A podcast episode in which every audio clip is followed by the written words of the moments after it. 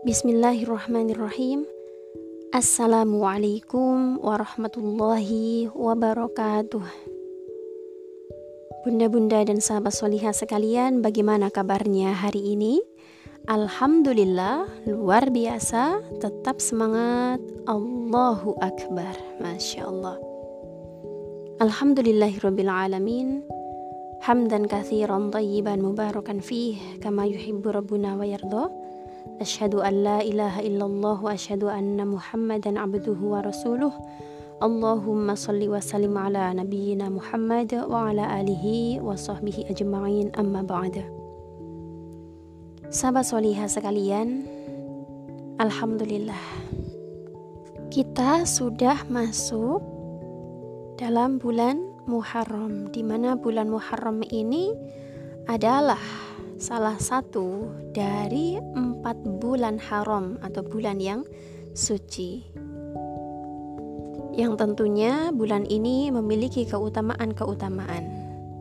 Dan kita dianjurkan untuk kemudian memperbanyak amal solih di dalamnya.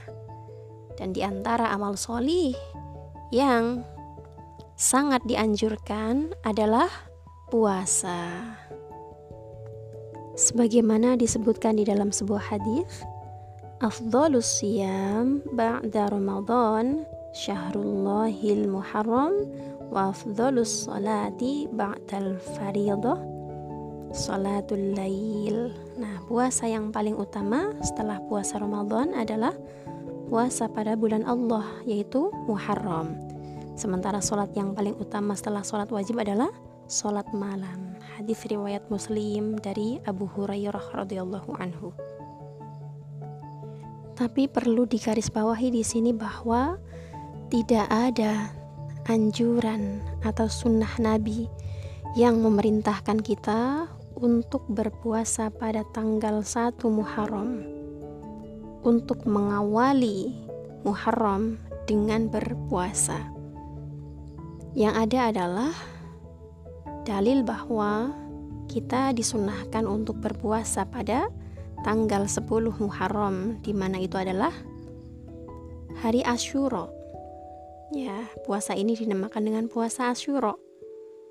Sebagaimana disebutkan di dalam sebuah hadis dari Abu Qatadah Al-Ansari radhiyallahu anhu Beliau mengatakan bahwa Nabi Shallallahu Alaihi Wasallam ditanya tentang puasa Ashura, kemudian beliau menjawab, puasa Ashura menjadi penebus dosa setahun yang telah lewat atau yang lalu. Hadis riwayat Muslim dan Ahmad. Masya Allah. Begitu besarnya keutamaan puasa Ashura, nggih bunda-bunda solihah sekalian. Nah, kemudian kalau kita mampu maka tambah dengan puasa Tasu'a yaitu puasa sehari sebelumnya. Ini untuk menyelisihi kaum Yahudi yang juga melakukan puasa pada 10 Muharram. Kemudian, apakah boleh kita berpuasa di tanggal 11 Muharram? Maka jawabannya adalah boleh.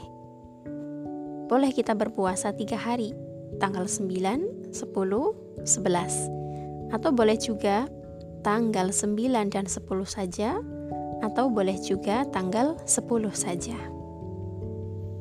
Nah, selain itu, kita juga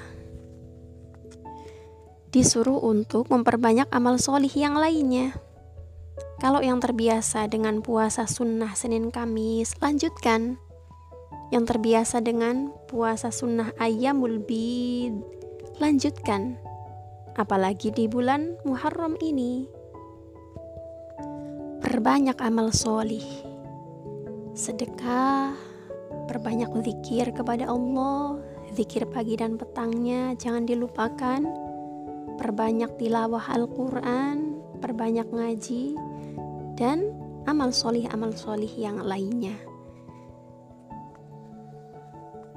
Semoga Allah mudahkan kita untuk meningkatkan kualitas keimanan dan ketakwaan kita wabil khususon di bulan Muharram ini.